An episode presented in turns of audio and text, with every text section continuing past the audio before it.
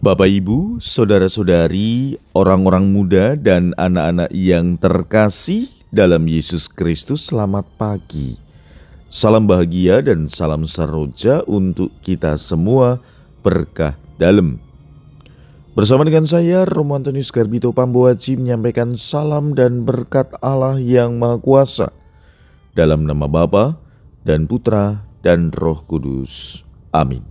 Hari ini Sabtu, 1 Juli dalam hari biasa pekan biasa ke-12 bertepatan dengan Sabtu pertama dalam bulan.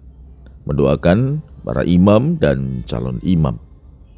Bacaan pertama dalam liturgi hari ini diambil dari kitab Kejadian bab 18 ayat 1 sampai dengan 15. Bacaan Injil diambil dari Injil Matius bab 8 ayat 5 sampai dengan 17.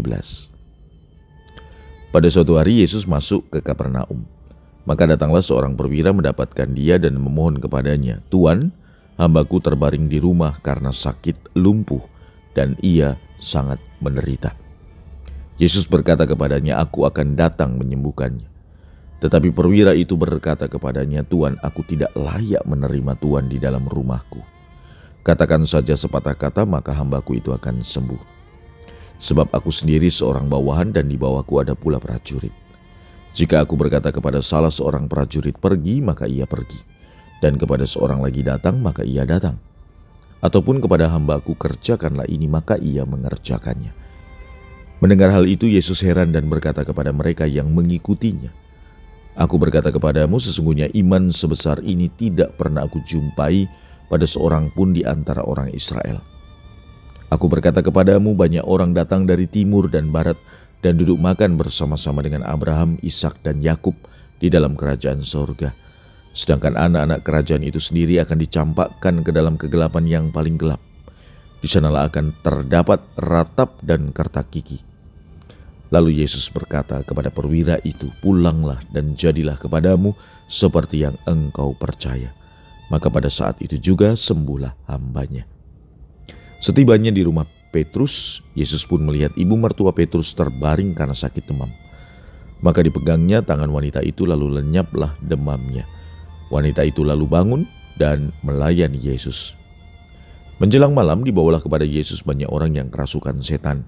Dan dengan sepatah kata Yesus mengusir roh-roh itu. Dan menyembuhkan orang-orang yang menderita sakit. Hal itu terjadi supaya genaplah sabda yang disampaikan oleh Nabi Yesaya Dialah yang memikul kelemahan kita dan menanggung penyakit kita.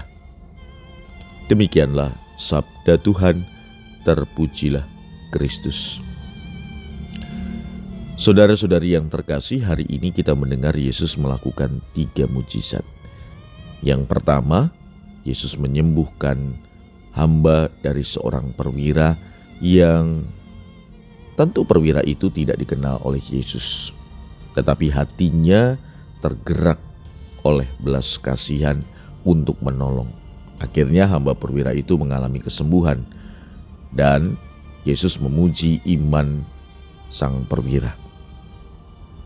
Yang kedua, Yesus menyembuhkan ibu mertua Petrus karena sakit demam. Yang ketiga, Yesus menyembuhkan banyak orang pada waktu malam. Ada tiga hal dari tiga peristiwa yang ditampilkan dalam Injil hari ini yang bisa kita renungkan. Yang pertama, Yesus tidak mengenal siapa perwira itu. Tapi hatinya tergerak oleh belas kasihan untuk menyembuhkan hamba dari perwira itu. Bisa jadi dalam kehidupan ini ada begitu banyak orang yang memohon doa kita tetapi kita tidak mengenal baik siapa orang yang datang itu. Tapi kita dipanggil untuk mendoakan. Yang kedua, Yesus menyembuhkan ibu mertua Petrus secara langsung tentu, berhadapan langsung tentu.